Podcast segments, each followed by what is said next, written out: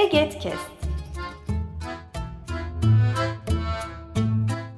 Bu yayın Eğitimde Görme Engelliler Derneği tarafından hazırlanmıştır.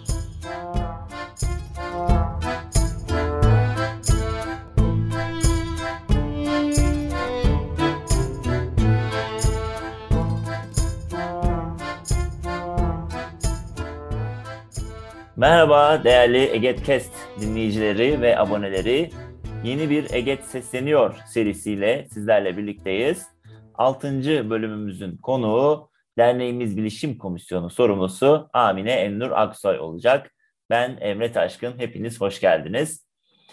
Bugün bu programı yapma ihtiyacı duyuyoruz. Çünkü bilgiye erişim diyoruz. Görme engeller ve bilgiye erişim konusunu sürekli olarak dillendiriyoruz. Pandemi dönemiyle bu bilgiye erişim kavramının kapsayıcılığı da artmaya başladı.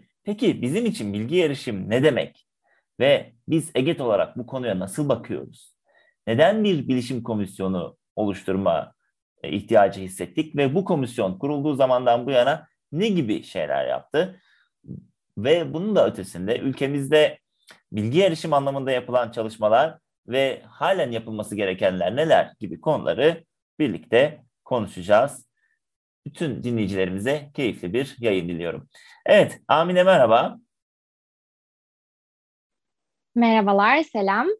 Herkese Merhabalar. öncelikle bu podcast umarım keyifli geçecek e, diye umuyoruz. Evet, seni tanıyalım kısaca. Tabii. E, Amine Nur ben. E, 22 yaşındayım ve hali hazırda İstanbul Bilgi Üniversitesi Sosyoloji ve Psikoloji çift son sınıf öğrencisiyim. E, aslında bilişim komisyonuyla olan serüvenim e, bayağı uzun zaman oldu diyebilirim artık. E, sanırım 2016 veya 2015 yılının sonlarında ben bilişim komisyonunda yer almaya başlamıştım. O zamanlar daha bir lise öğrencisiydim diyebilirim.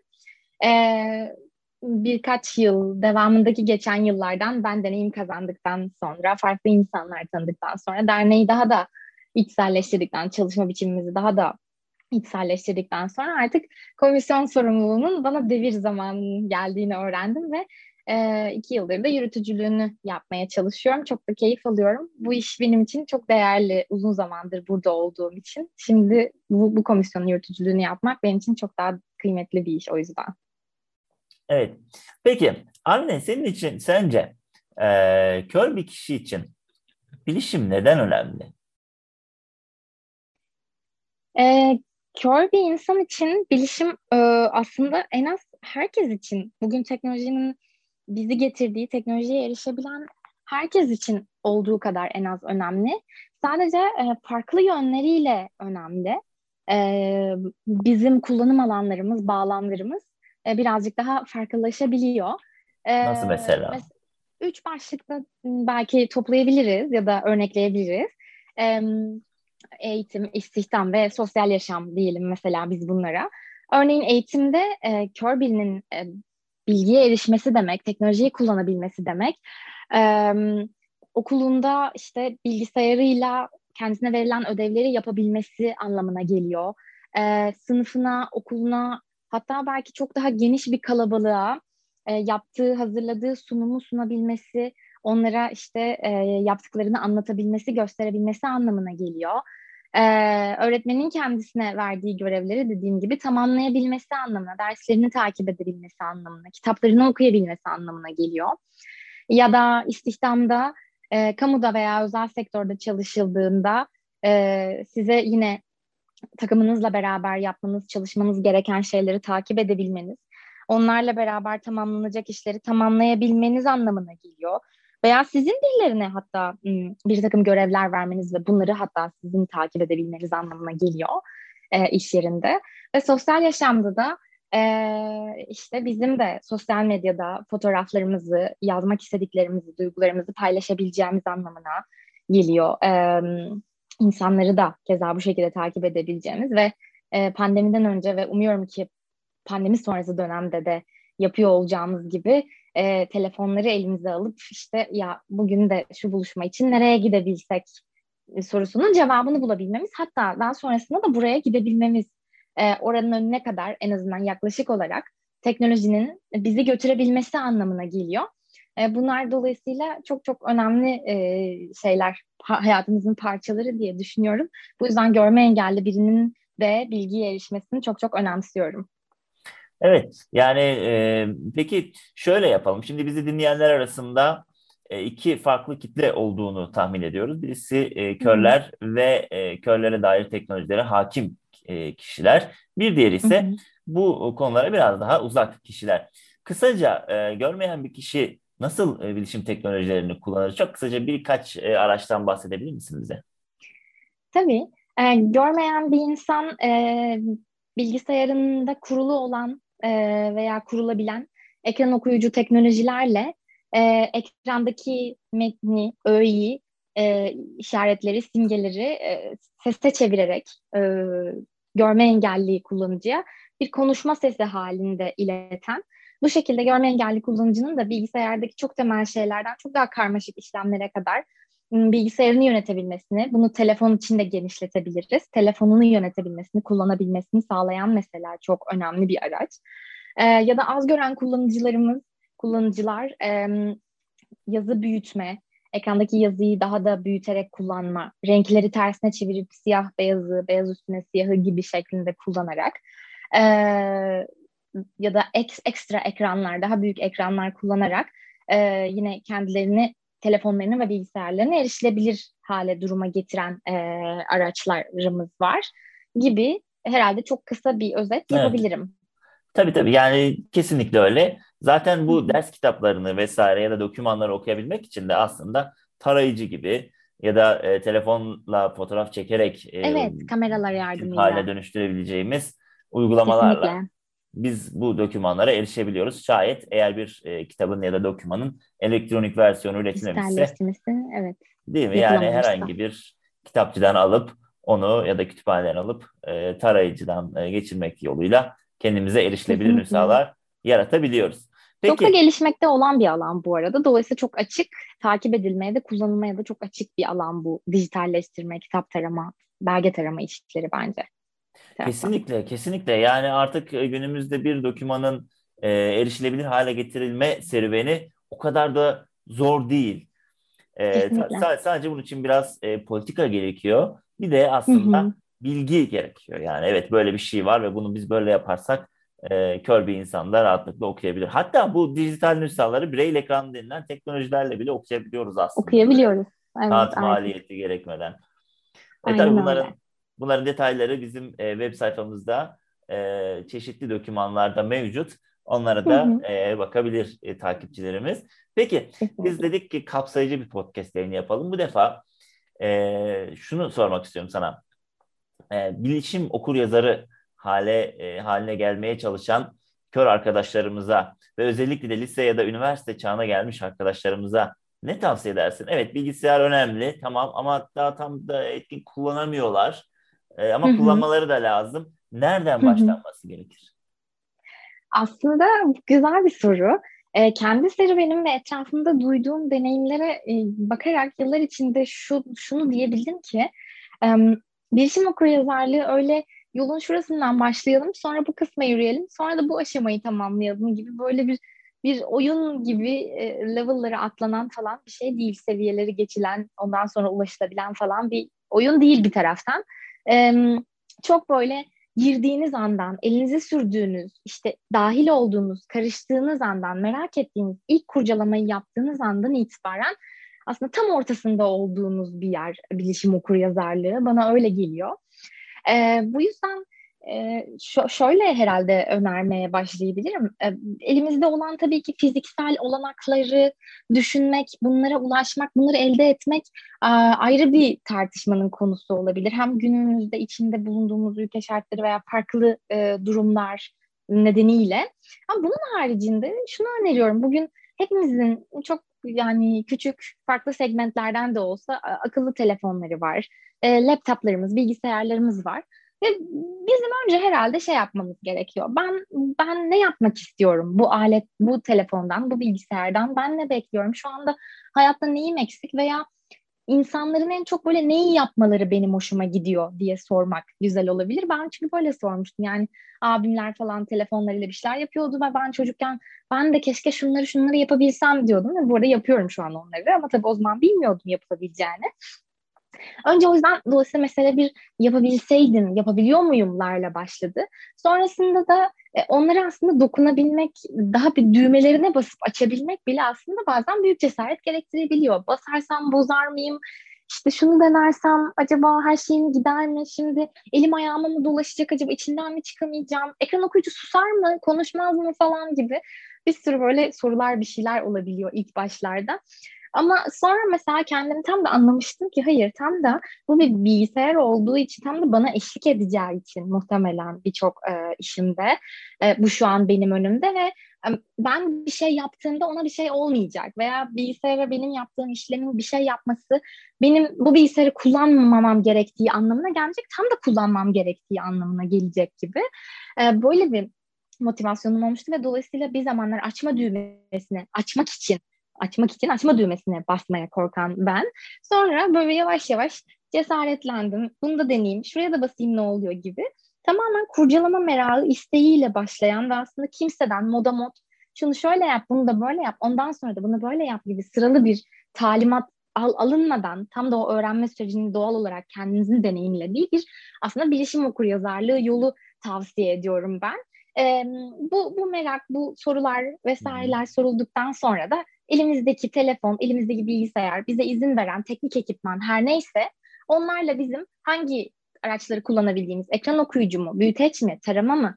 E, bunların olanaklarını yanımızdaki insanlarla beraber biz internet aramaları yaparak vesaire birilerine sorarak öğrenebilir ve elimizdekilerle hemen bir yerinden balıklama başlayabiliriz diye düşünüyorum. Tavsiyem bu olur. Kesinlikle. Sen e, acaba şey dedin ya bu bu e, neyi yapmak istiyorum falan diye biz böyle ortaokulun sonlarına doğru geldiğimizde e, şeyi yapmak istiyorduk. Mesajlarımızı okumak istiyorduk mesela. yani böyle Nokia telefonlarımız vardı ve onlarla mesajlarımızı okuyamıyorduk. Birisi gelecek o mesajı okuyacak. Ve yani evet. şeyi hatırlıyorum. birinden mesaj bekliyorum. Mesaj geldi. Ama evde kimse yok. İki saat sonra birisi geldi okudu. O da yani bir operatör e, reklamı. O mesaj değil. evet. Öyle e, ilginç anılarımızda vardı. Evet, Belki bir böyle günde... küçük isteklerle başlıyor her şey. Çok uçuk şeyler istenmiyor hiçbir zaman en başta. Kesinlikle. Belki Ege e, Kest kanalında bilişim tarihi üzerine falan odaklanırsak orada Aa, evet. bunlar. Şimdi e, peki bizim niye bilişim komisyonumuz var EGET olarak? Hı hı. Ee, bizim niye bileşim komisyonumuz var? Ee, çok küçük bir anlatayım temel olarak. Belki kendi hikayemi de karıştırırım araya. Şimdi duruma göre bakacağım cevap nasıl ilerliyor benim için. Hadi bakalım. Ee, şimdi Ege'nin, ya Ege zaten Eğitimde Görme Engeller Derneği zaten e, talebi neyse, hangi alanda neye eğilmişse bunu e, hak temelli olarak talep eden, bunu hak temelli insanların hakkı olarak almak ve onu orada e, sağlamlaştırmak, sabitlemek isteyen insanlara bunu böyle tanıtmak. Ya sizin burada böyle bir hakkınız var, sizin burada böyle bir imkanınız var demek isteyen bir e, dernekti, sivil toplumda hala öyle yoluna emin adımlarla ilerliyor. Ve bizim eğildiğimiz alan neresi olursa olsun, eğitim, istihdam, sosyal yaşamımız, e, yapmak istediğimiz başka yenilikler, hepsinde biz bütün bu yaşamın yönlerinin farklı bağlamlarını e, inceliyoruz, eğiliyoruz. Yani bu işin teknolojik tarafı da var, ne bileyim hukuki boyutu da var. Daha böyle ne bileyim e, şimdi anlatamadım ama böyle iletişimsel tarafı da var falan filan. Yapmak istediğiniz şeyin bir sürü boyutu var. Her tarafını düşünmek zorundasınız. Veya işte sizin derneğinize böyle şeylerle gelen, dışarıdan gelen taleplere, isteklere karşı cevap verebilmek için. Ve bilişim komisyonu tam da İşin o e, her boyutunu inceleyen tarafın bilişim tarafında, teknoloji tarafında e, rolünü üstlenmeye çalışıyor ve bizim e, hem e, üyelerimizin hem de ulaşabildiğimiz, sesimizi duyurabildiğimiz bütün insanların hem de kamudan veya özel sektörden bizden teknik anlamda yazılımsal veya web sitesi anlamında destek isteyen, e, bu kullanılabilir mi diye bize soran insanlara e, teknoloji üzerinde sağlanacak şeylerin de erişilebilirliğin de, teknolojik erişilebilirliğin, bilgiye erişmenin de e, bir hak olduğunu öncelikle gösterebilmek ve bunun da pratikte nasıl mümkün olabildiğini e, bize bu soruları soran insanlara bu uygulamayı kullanabiliyoruz. Bu web sitesini ekran okuyucumuzla tam olarak gezemiyoruz gibi raporlar çıkararak yeri gelince bunu yapıyoruz. Yeri gelince e, biz bu işte sınavı erişilebilir olarak alamadık. Elektronik bir sınav ama biz buna erişilebilir olarak giremiyoruz. Şöyle şöyle testler yapalım. E, bu sınavı böyle düzeltelim diyebilmek için e, e, yeri gelince bilişim komisyonumuza çok çok ihtiyaç duyuyoruz. Veya EGET kendisi bir projeye başlamak istediğinde bunun teknolojik bir yönü varsa e, bilişim komisyonumuz bunun üzerinde çalışsın ve bize bir işte öneri sunsun, destek sunsun diyerek başladığımız her işte e, bilişim komisyonunun kapısı çalınıyor. Biz de seve seve açıyoruz. E, çok küçük kendi hikayemi mesela kardeşim bizim yıllar önce benim de e, komisyona dahil olma e, şeyim e, vesilem diyelim. E, bizim e-okul sistemlerini başka da ikinci bir arkadaşımla beraber işte çok erişemiyor olduğumuz fotoğraf seçimleri vesaire gibi görsel ekranlar olduğu için kendi notlarımızı okuyamıyor olduğumuz meselesi vardı biz öğrenciyken. Ve bu bir yıl içerisinde bir sürü şey yapıldı. Teknik olarak neyin niye olmadığını raporladık falan. Bu da bizim için ilk deneyimdi. Neyi niye olmuyor adım adım yazıyoruz falan. Ee, ve en sonunda başardık. Bu bir kazanımdı. Ee, evet. Bu Ege Bilişim Komisyonu'nun da kazanımı oldu. Bizim de kazanımımız oldu. O günden sonra da zaten bu komisyonla benim yolum hep bir kesişerek gidiyor. Tam da Ege sanırım Ege'nin bilişim komisyonu bu ve bunun gibi örnekleyemediğim şimdi bir sürü şey için burada var Eget'in, Eget'in var olması da zaten bilişim sayesinde oldu değil mi? Yani Evet tabii tabii bir de o var. Yani buradaki bu, bu derneği kuran hatta ondan önce mail grubunda yazışan birbirini bulan insanlar adı üstünde mail grubu online. Herkes internet üzerinden internetin olanaklarıyla buluştu. Ondan sonra tokalaştık, tanıştık. Aslında doğru hepimiz önce birbirimize internetten ses verdik yani. Evet. Peki yaptıklarımızı zaten anlatmaya başladın. Biraz daha somut hale getirmek e, isteyecek olursak Hı-hı. ne gibi çalışmalar yaptık? Biraz daha böyle yaptıklarımıza biraz daha odaklanırsak, elde ettiğimiz kazanımlara biraz daha odaklanırsak. Tabii. Ee, ben bu verdiğim örnek hem benim başlangıcımda hem de biraz eskiydi. Ben biraz güncelden bahsedeyim. Ee, güncel son bir iki yılda neler oldu, neler bitti ben örnek vermek istiyorum. Ee, örneğin geçtiğimiz aylarda e, bizden projesi için destek isteyen bir sivil toplum örgütüyle birlikte e, bir işin erişilebilir, dijital erişilebilirlik kısmını biz yaptık. Şöyle bir işti.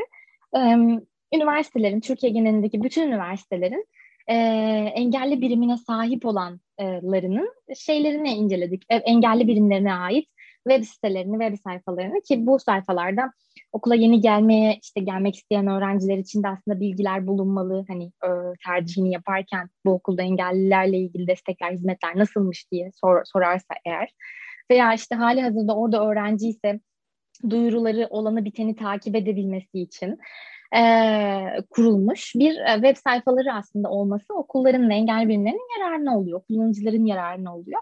Bu web sitelerinin de elbette dijital olarak da bilgisayarlarıyla, telefonlarıyla öğrencilerimiz girebiliyorlar mı, inceleyebiliyorlar mı, her şey sorunsuz mu, ee, istedikleri bilgiye ulaşabiliyorlar mı'nın testlerini yapmaya çalıştık. Bunun için bir kontrol listesi oluşturmaya çalıştık, temel bir liste. Ee, üç arkadaşımızla, üç kişi, üç arkadaş bunları yaptık böyle bir hızla hatta e, artık mekaniğe bağlamıştık. Şurada kaçıncı soru şuydu falan diye böyle yapıyorduk hemen. Çok da bir taraftan keyifli oldu, bir taraftan iyi bir deneyimdi. E, böyle bir rapora katkımız oldu. Ondan önce e, önemsediğim ve işte çok temel olarak da başlasa henüz e, daha böyle karmaşık şeyleri içerememiş olsa da arka planda hep devam eden kafamızda geliştirmeye devam etmek istediğimiz bir e, dijital eğitim e, materyalleri hazırlaya, hazırlama kılavuzu var. E, bunu e, çok temel bir yerden başla. Yani bir PDF belgemiz var, okuyoruz. Bir Word belgemiz var, okuyoruz. Ama nasıl hazırlayalım? Görselleri kullanıyoruz bunların içinde. Onları nasıl betimleyelim? Bunları nasıl ekleyelim gibi. Hem işin biraz tekniğini, teknik bir taraflarını içeren e, hem de e, bunun gerekliliğini anlatmaya çalıştığımız, neye niçin ihtiyaç duyduğumuzu anlatmaya çalıştığımız çok küçük bir e, kılavuzla başladık ve sonra bu kılavuzu hatta e, 7 dakikalık bir videoya da dönüştürdük e, geçtiğimiz Ekim'de ve sonra bu bu yıl yayınlan, yayınladık biz onları böyle yılbaşı hediyesi olarak gibi geldi bize 2021'e evet, çok güzel heyecan verdi falan. E, belki o linki de podcast açıklamasına ekleriz diye düşünüyorum. E, bu kılavuzun videolaşmış hali buydu kılavuzu elbette geliştirmek istiyoruz. Çünkü ders özelinde matematik için, işte başka fen bilimleri için, dil dersleri için nasıl e, teknik olarak, materyal, dijital olarak hazırlanmış belgeler nasıl bir görme engellinin de okuyabileceği, yararlanabileceği hale gelir sorusuyla ilgili aslında verilecek henüz bizim de bilmediğimiz ya da bilsek de şu anda henüz aktarmadığımız cevaplar var çokça. Hem öğretmenlere hem de daha böyle yayın evleri, kitap basan, çok daha büyük çapta materyal hazırlayan yayıncılara belki ulaşacak çok fazla şey var daha. O yüzden yolun başında olan böyle bir e, işimiz vardı son e, yıllarda benim mutlu mutlu olduğum. E, bir de şeye odaklanmaya çalışıyoruz. Bu da bizim hep aklımızda arka planda çalışan ve bunun için çok küçük bir adım attık. Devamı için de düşünmeye devam ediyoruz aslında. E, erişilebilirlik meselesinin, dijital erişilebilirlik, dijitalde bir şeylere erişebilmenin e, standartının oluşturulabilmesi ve bunun e, ülke çapında e, bir mevzuatla sabitlenmesi, garantilenmesi ve e, kamuda, özelde, e, bilimin bütün o dijitallikte ki dünyamız çok hızlı dijitalleşiyor artık. Görme engellerin de diğer engel gruplarının da e, bu dijitalliğe yer bu dijitalliğe ulaşabilmeleri ve kullanabilmeleri, parçası olabilmeleri hatta geliştirebilmeleri için e, bir alan açmaya çalışıyoruz. Bunun için de belli standartlar olması gerekiyor ki dijital ortamlar erişilebilir olsun. Teknik standartlar çoğunlukla. E, bunların bir mevzuatla sabitlenmesi demek. Bundan sonra yapılacak her şey için e, bu bu teknik özelliklerin de var, göz önünde bulundurulup bunların da varlıklarının kontrol edilmesi, eğer yoksa eklenmesi anlamına gelecek. Dolayısıyla bu çok önemli bir kazanım. Bir taraftan evet. hemen olmayacak, bizim de zamanımızda olan bir kazanım. Bunun için geçen yıl Mayıs ayında çok küçük bir etkinlik yaptık. İşin hem hukuki tarafını hem de teknik tarafını tartışmaya çalıştığımız online bir etkinliğimiz oldu. Biz de böyle bir giriş bilgisi olarak bir şeyler duymuş, öğrenmiş olduk. Bundan sonra ne yapacağızı düşün, düşünmeye başlamış olduk. Ee, böyle bir uzun vadeli hedefimizde aslında Zaten raporumuzda yazdık yani e, Kesinlikle. Aile Bakanlığı'na e, yazımızı gönderdik dedik ki yani evet. AA standartlarında onun detaylarını başka yerlerde konuşuruz. AA standartlarında evet. bir bilgi erişim mevzuatı olmalıdır diye bunu Olsun, örneklerle evet. de açıklayan. Tabii e, Aynen geçen yaz. Şimdi sevgili Ahmet bir önceki konuğumuz Zeynep'ti. E, beşinci programımızda. Zeynep e, bir sınava girmeye çalışıyordu ve onu almamışlardı. Ama öncesinde bir sınava daha girmesi gerekiyordu. O da yabancı dil sınavıydı. E, Zeynep bu sınava e, elektronik formatlarla girdi ve inanılmaz yüksek puanlar Hı-hı. aldı. 90 üzerinde puanlar aldı. E, ve e, o elektronik yabancı dil sınavının aslında erişilebilir hale gelmesini sağlayan da bizim derneğimizin evet, bilişim komisyonuydu. Ve, evet kesinlikle. Ve yine e, yani EBA, EBA yani bu pandemi döneminde EBA gel kullanıldıysa böyle yarım yamalak da olsa.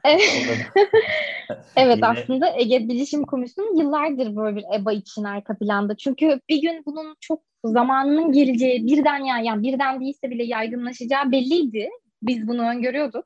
Ve şimdi pandemi bir anda başlayıverince herkesin tahmin ettiğinden çok daha popüler bir yer oldu. Eğitim çok daha kullanılan, girilen çıkılan işte mecburen bir şeylere oradan ulaşılan bir yer haline geldi. Dolayısıyla evet. hem Ege bence bu pandemiden önceki yıllarda da EBA için arka planda hep çok şey yapıyordu. E, bu öngörüyle. Pandemiden sonra da zaten e, hem taleplerimizi e, e, sözel olarak iletmek hem de teknik olarak e, destek vermek anlamında evet Eget EBA ile hiçbir zaman şeyleri koparmadı. Bu da bizim için iyi bir kazanım. Bizim için iyi bir e, şey. EBA, EBA'nın e, bizimle olan işbirliği bizim için önemli. Kesinlikle. Yani buradan şunu söylemek istiyorum. Yani biz bilişim alanında kamuyla da iletişim haline e, geçiyoruz ve e, iyileştirmelerin yapılmasına katkı sağlıyoruz deyip buradan şuraya gel gelmek istiyorum. Peki yani ülkemizde e, bilişim erişilebilirliği üzerine yapılmaya çalışılanlar var. Geçen yıl e, 2020 yılı erişilebilirlik yılı ilan edilmişti. Yılı ilan 2021'de de bilgi erişime e, vurgu yapılıyor e, devlet tarafından da. Peki e, bilişim erişilebilirliğin önünde ülkemizde ne gibi engeller var ve e, hı hı. hangi paydaşlar ne gibi sorumlulukları yerine getirmesi gerekiyor? Bunlardan çok kısaca bahsederek ilerleyelim. Hı hı. Aslında e, biraz önce bizim kazanımlarımızı saymaya çalışırken e, bence biraz öndeki engellerden de bahsetmiş oldum. E, bugün bence en büyük problemimiz e, yapılan erişilebilirlik düzenlemelerinin yapılmışsa bile devamlı sürdürülebilir olmuyor olması. İkincisi de zaten e, bir erişilebilirlik standardının bulunamaması yani hiç yapılmamış bile olması. E, bu daha çoğunlukta çoğu zaman e, bazı şeylere erişilebilir bulmuyoruz veya bulduğumuz şeyleri erişilebilir bulduğumuz e, dijital ortamlar bazı bazen mevzuata uyularak bir kriter listesine uyularak değil de hani yapılmış ve şükür ki bizde erişilebilir olmuş. Biz de bu yüzden erişebiliyoruz gibi biraz daha e, konuşulmadan ilerleyen, bil, bilinmeden ilerleyen bir süreç var. E, biz bunu böyle yazılı, bilinir e, hale getirmek e, istiyoruz. Böyle bir hayalimiz var. En azından böyle bir sürece bizim katkımız olsun istiyoruz. E, burada da e, paydaşların tabii ki de çok büyük önemi var. Bir kere e, kamunun yani devlet devlet kanallarının çok e, büyük rolü var. Çünkü e, biz bunu işte Avrupa'da, Amerika'da, başka ülkelerde de örneklerini gördüğümüz gibi erişilebilirlik standartlarının kanunlara, mevzuatlara konması e, onların yaptığı işbirlikleri sonucunda alacakları ve resmileştirecekleri kararlar bunlar. E, mutlaka devlet devlet kanalları olmadan, bazı devletin bazı kurumları olmadan bu işleri yapmamız çok zor. E, paydaşlardan diğeri mutlaka sivil toplum kuruluşları, biz ve bizim gibi STK'lar bence. E, çünkü bizler neye ihtiyaç olduğunu somut olarak ortaya koymalı e, veya işte bununla ilgili birikimli kişilerle konuşup destek alıp oturup ortaya raporlar, politika belgeleri çıkarmalı, sunmalıyız. E, öner önermeler sunmalıyız ve e, devlet kanal kamu kurumları da bunları kullanarak, bunları baz alarak onlar da son haline getirip kararlaştırmalı, karar haline getirmeliler, resmileştirmeliler. E, bu yüzden STK paydaşlarını da önemsiyorum. Keza aslında e, üniversitelerde öyle önemli. Çünkü e, bugün bilgisayar mühendisliği bölümleri, bilgisayar programcılığı, yazılım yazılım bölümleri vesaire hepsinin yetiştirdiği bir sürü öğrenci var her yıl. E, ve erişilebilirlikten çok daha fazla bahsedilmeli bence bölümlerde öğrencilere. Ee, bu eğitim çok da yani öyle bir sefer hani derste de görmüştük e, böyle bir şey falan evet denip geçemeyecek kadar önemli. Belki bir dönemlik ders konulacak, daha daha sık sık anılacak ve pay, yani paydaşlarla onların da buluşacağı. Çünkü onlar yaratan taraflar, teknik tarafı, oluşturan taraflar ve kullanıcıyla da buluşmaları gerekiyor. O yüzden sanıyorum bizim yine STK'ların ve işte şeylerin işbirliği de çok önemli. Bölümlerin, üniversitelerin. O birbirimize ulaşabilmemiz, birbirimizi duyabilmemiz lazım. Biz ne istiyoruz, onlar ne yapabiliyorları e, gibi bir şey var. Kafamda böyle bir şablon var. E, unuttuğum bir paydaş var mı? Şimdi yani hemen şey sayarken bilemiyorum. Belki söyleyebiliriz belki. Yani özellikle e, özel sektör dediğimiz bir e, yapı da var ve var. her geçen gün yani gerek kendi uygulamalarını erişilebilir yapanlar veya da e, erişilebilirliği önceleyen farklı uygulamalar geliştirenler de var. Değil mi? Yani ya kendi uygulamalarını erişilebilir hale getiriyor ya da görmeyenlerin bir e, hayatını kolaylaştıracak çözümü e, teknolojik evet. olarak bize e, kullanıma sunan yapılanmalar evet, da var. Evet, evet. Bunlar da kesinlikle ya. önemli bir paydaş olarak yerini alıyor. Kesinlikle. Bugün özel sektörde birçok artık firmalar, büyük firmalar şu şu fikre doğru geliyorlar. Bu beni mutlu ediyor görme engelli bir kullanıcıya e, bu uygulamayı erişilebilir yapmak e, benim şirketimin sosyal sorumluluk için yaptığı bir iş değil. Hayır yani benim işim işimin parçası zaten bu ve bunun erişilebilir olması için benim e, gerekli başka türlü testleri de artık yaptırmam lazım. Bur burayla ilgili de geri bildirimler almam lazım diyen. Bu fikri benimseyen çok e, özel sektörde hala çok alan var ama yavaş yavaş bu soluk duyulmaya başlandı e, o yüzden bu beni aşırı heyecanlandırıyor. Dilerim ki bu fikir e, çok daha fazla yayılacak özel sektörde. Evet kesinlikle yani artık bu erişilebilirlik sosyal sorumluluk e, mevhumundan çıkmalı yani. Evet bir hak olsun artık diyoruz. evet.